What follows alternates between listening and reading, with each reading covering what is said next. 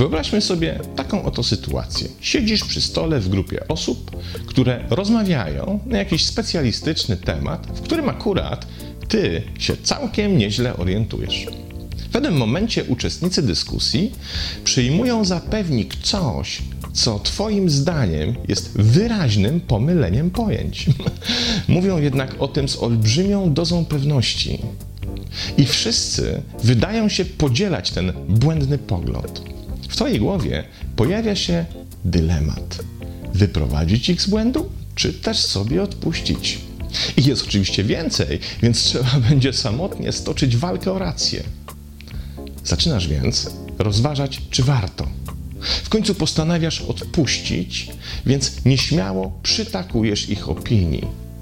Bo przecież tak naprawdę nie ma to większego znaczenia i szkoda kruszyć kopii o jakiś specjalistyczny i tak naprawdę nieistotny szczegół. Dodatkowo masz przecież świadomość, że ich nie przekrzyczysz. Nie masz jak udowodnić swojej racji. A poza tym rozpęta się kolejna dyskusja, ale tym razem nad tym, czy na pewno w ich oczach jesteś odpowiedniej rangi autorytetem, czy też odpowiedniej klasy specjalistą, by kwestionować ich zdanie. Nie ma sensu rozpoczynać sporu, skoro nie ma się przy sobie opasłych tomów słowników, encyklopedii i almanachów, w których można by w prosty i łatwy sposób wskazać odpowiednią stronę i zamknąć tę głupią dyskusję. Zatem odpuszczasz. I jesteś nawet w stanie im przytaknąć w zamian za swój własny, święty spokój. Zdarzyła Ci się kiedyś taka sytuacja? Jeśli tak, to proponuję zwiększenie czujności w tym względzie, bo idziesz prostą drogą ku własnej zgubie. Żeby wyjaśnić, na czym ta zguba polega, najpierw musimy się przyjrzeć pewnemu sławetnemu eksperymentowi, który dokonał Salomon Ash w 1955 roku i którego interpretacje do dzisiaj rozgrzewają akademickie, psychologiczne dyskusje. Na czym polegał ten eksperyment? Otóż Ash poprosił ochotników biorących udział w badaniu o to, by w kilkunastu próbach przyjrzeli się dokładnie dwóm kartom z namalowanymi odcinkami. Na jednej karcie znajdowała się jedna linia, na drugiej trzy linie o różnych długościach. Zadaniem uczestników była ocena, do której z trzech linii narysowanych na drugiej karcie najbardziej podobna jest linia z karty pierwszej. Kiedy uczestnicy w pierwszym teście udzielali odpowiedzi, to 99% z tych odpowiedzi było prawidłowych. Jednak kiedy odpowiedzi udzielano grupowo, to wyniki ulegały zmianie. A działo się tak dlatego, że sprytny aż w tajemnicy przed uczestnikami zatrudnił aktorów, którzy udając ochotników eksperymentu, udzielali tej samej, z góry ustalonej, ale błędnej odpowiedzi. Okazało się, że aż 75% uczestników eksperymentu zgodziło się z błędną oceną w co najmniej jednej z kilkunastu przeprowadzonych prób. Oczywiście w powszechnej opinii wynik tego eksperymentu wskazuje na istnienie zjawiska konformizmu informacyjnego. Problem jednak w tym, że ci uczestnicy nie podporządkowywali się grupie w każdej próbie, a 95% z nich przynajmniej w jednej próbie nie zgadzała się na potwierdzenie błędu. Zaś po eksperymencie większość uczestników deklarowała, że miała świadomość, iż grupa w swej ocenie się myli. Ówczesna psychologia, a i wielu dzisiejszych interpretatorów utrzymują, że głównym powodem podawania przez uczestników eksperymentu błędnej odpowiedzi, czyli takiej, która była zgodna z opinią całej grupy, była obawa przed odrzuceniem i chęć bycia zaakceptowanym przez innych członków danej grupy. Stąd właśnie konformizm, czyli podporządkowanie obowiązującym normom w obawie o wykluczenie ze społeczności, która te normy definiuje. Problem jednak w tym, że niespecjalnie podoba mi się ta interpretacja. Nie podoba mi się też interpretacja alternatywna, mówiąca o wpływie grupy na zmianę spostrzegania. Według niej badani podawali błędne odpowiedzi, bo zaczynali wątpić w to, co widzą ich oczy. Przyjrzyjmy się jednak innej interpretacji, takiej, w której badani deklarowali to samo co grupa, ale nie dlatego, że zaczynali inaczej widzieć, czy też, że bali się odrzucenia, ale w efekcie kalkulacji zysków i strat, tej samej, którą przytoczyłem w pierwszym przykładzie. Wtedy, kiedy odpuszczasz tłumaczenie innym, że się mylą, bo uznajesz, że nie warto wyprowadzać ich z błędu, ponieważ sam koszt tego wyprowadzenia będzie dla ciebie zbyt duży. Pochłonie wiele czasu i energii, a sytuacja po prostu nie jest tego warta. Nie czynisz więc tego w efekcie konformizmu i lęku przed wykluczeniem, ale dlatego, że kalkulacja energetyczna wskazuje, że gra jest po prostu niewarta świeczki. Pokażmy to na przykładzie przyjęcia z dobrą kolacją i wyśmienitym winem. Kiedy przy kominku i dobrej muzyce toczy się leniwa, ale jakże relaksująca rozmowa. I nagle jeden z Twoich znajomych trzy razy w ciągu pięciu minut, opowiadając historię podboju Księżyca, powołuje się na wspomnienia Louisa Armstronga.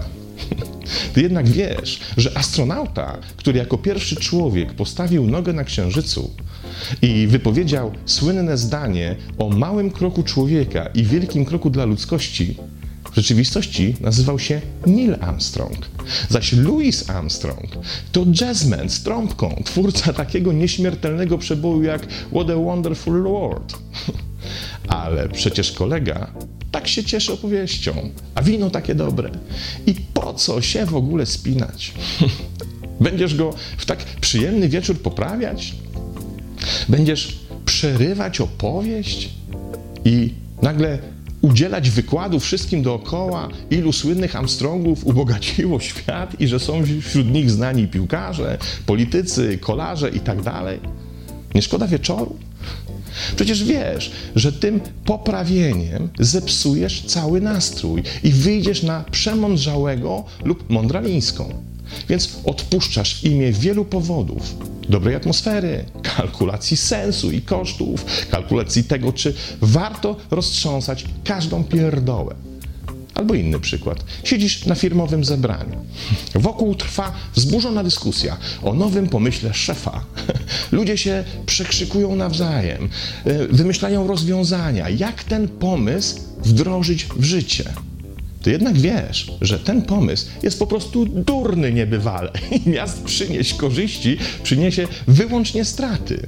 Zabierze ludziom czas, utrudni pracę, a na końcu szef i tak za jego efekt obwini kogoś innego, na kogoś innego zwali winę, bo przecież sam się nigdy nie przyzna do tego, że jest twórcą tak dennych i szkodliwych pomysłów.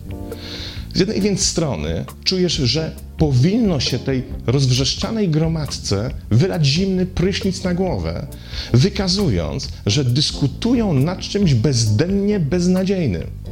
Z drugiej jednak strony wiesz, że to i tak nic nie da, bo przecież Kaśka liczy na podwyżkę, więc euforią przyjmuje pomysły szefa. Robert marzy o awansie, więc stał się mistrzem świata w podlizywaniu. A reszta też karmi się jakimiś swoimi własnymi powodami adorowania szefa. Więc odpuszczasz i nic już nie mówisz. A kiedy cię pytają o zdanie, odpowiadasz kiwaniem głowy. Zaś gdzieś w środku jesteś już myślami przy wieczornej imprezie.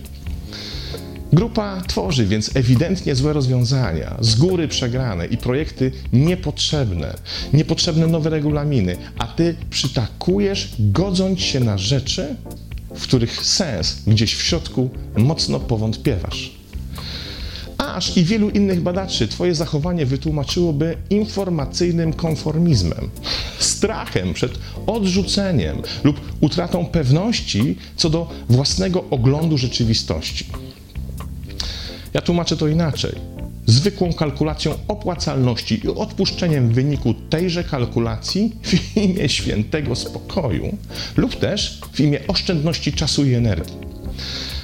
I tutaj pojawia się ukryty dotąd problem, którego następstwa zaczną wychodzić jak grzyby po deszczu, ale dopiero po dłuższym czasie.